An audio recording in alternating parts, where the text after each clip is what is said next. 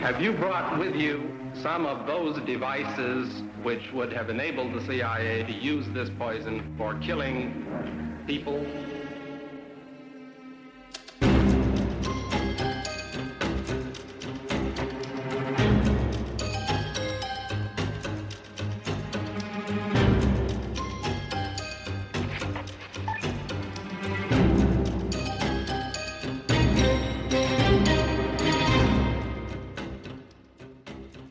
Hvis der er stay behind celler i Ukraine, Ja, det er der. så er det jo nu. Ja, ja, præcis. Der er blevet oprustet på det der i hele, langs hele øh, Østfronten i NATO. Øh, så, så udover Ukraine, der helt sikkert der er noget der, så i hvert fald i de NATO-lande, Polen og de baltiske lande osv., altså det, det kan man se dokumenteret, at der er øget den stay behind aktivitet de senere år. Og alt det, som vi har talt om i de her programmer, gennem de her programmer, øh, stay behind, altså det her med at være klar. Man har de her sovende celler, så at sige, hele grundtanken, Ja, øh, som så, vi har været inde på, det udvikler sig så også til noget andet. Man begynder sådan at være mere proaktiv og handle mere sådan omkring ens egne borgere. Øh, men hele grundtanken er jo, hvis russerne kommer, så skal vi øh, på en eller anden måde kunne lave noget guerillakrig, Ja. øh, så vi kan forsvare os. Vi Præcis. sidder, vi sidder her torsdag den 24. februar. Det er, det er i dag, vi vågner op til, at, at, at der nu er en invasion af Ukraine. Ja. Og det er nu. Du lytter til det hemmeligste af det hemmelige. Mit navn det er Anders Christiansen, og med i studiet er dokumentarist Christian Kirk Muff.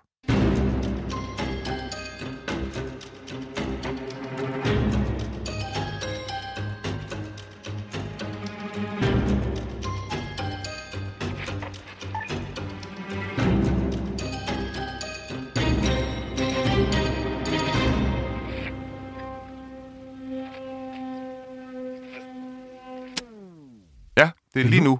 Og, og, og det er jo nu, at, at man enten er enormt ærgerlig over, at man ikke har fået installeret ordentlige stay-behind-grupper i de østlige dele af Ukraine, eller man sidder og er enormt glad for det.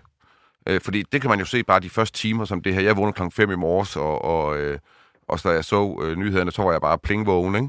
Og, og øh, det er jo enormt svært at finde ud af, hvad der foregår.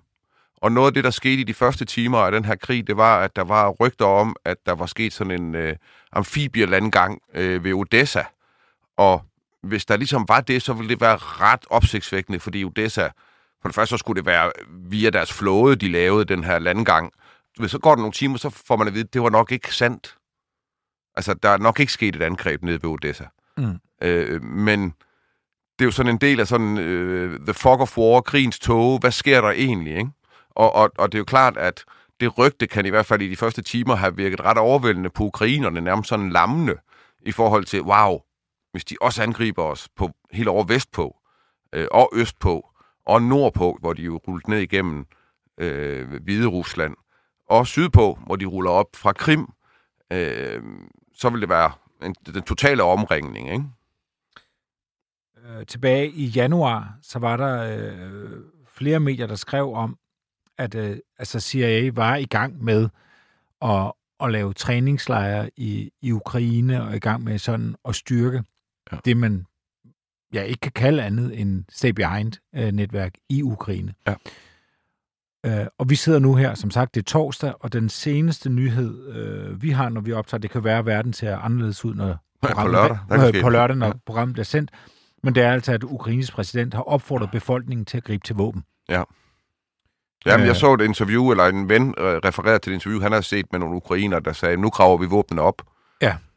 Øhm, så, så det er jo også sådan en step behind-terminologi.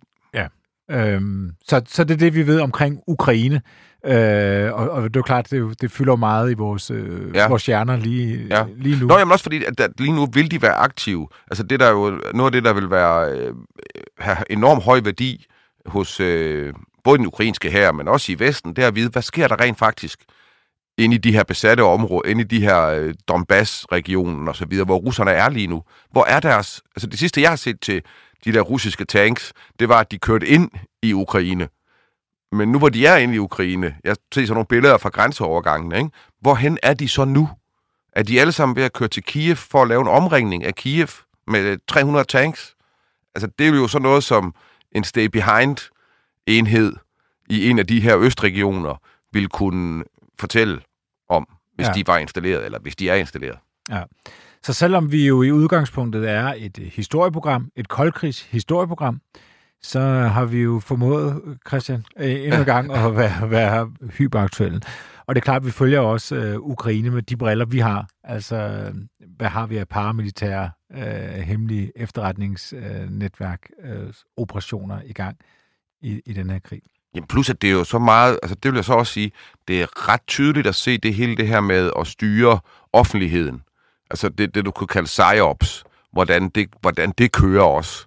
Altså det er øh, virkelig interessant at prøve nogle gange, det kan jeg kun anbefale, prøve at slå på Al Jazeera på YouTube, og så følge deres live-dækning. Fordi det er nogle helt andre ord, de bruger om, om ting. Og, og det kan man så sige, jamen, det er jo en helt måde, forkert måde at beskrive tingene på osv. Ja, måske, men du ved, måske er vi bare fanget i den fortælling, vi får i Vesten, om hvad den her konflikt den handler om. Mm. Ja. Men øh, det er jo egentlig noget helt andet, vi skal snakke om i dag. Ja, det, skal, Øh. øh. det er det. Kan du på nogen måde lave et, et elegant link til vores indledning her, og så til vores øh, hovedtema i dag? Ja, det kan jeg, fordi at man, det er faktisk sjovt, for det kan jeg faktisk godt. Kan du det? Ja, det kan jeg, fordi at, at den situation, du har lige nu i Ukraine, øh, det som, det som øh, Putin er øh, utilfreds med, det som han ønsker at ændre i Ukraine med hans invasion, det var præcis den samme form for øh, irritation over, øh, hvad man så som angrebsvåben eller militære styrker meget tæt på sin egen grænse. Det var den samme situation, JFK stod i med Kubakrisen. Fordi der havde du få år før haft øh, en øh, revolution på Kuba, hvor man havde skaffet sig af med en øh, diktator, og i stedet for var der kommet det her øh, kommunistiske øh, øh, styre, baseret på en, altså hvad der var en folkefront. Altså det var, det var ikke øh, et, et nyt diktatur, der kom på den måde øh, øh, i Kuba. Det var en populær regering, der kom til, øh, da den kom til øh, på den her tid. Ikke? Ja. Øh, øh, men, men det kunne amerikanerne ikke leve med. De kunne ikke leve med, at der var et øh, dybest set et kommunistisk styre så tæt på deres egen kyst. Øh, plus at de kunne ikke leve med, at de syntes ikke, at deres økonomiske interesser længere galt på Cuba.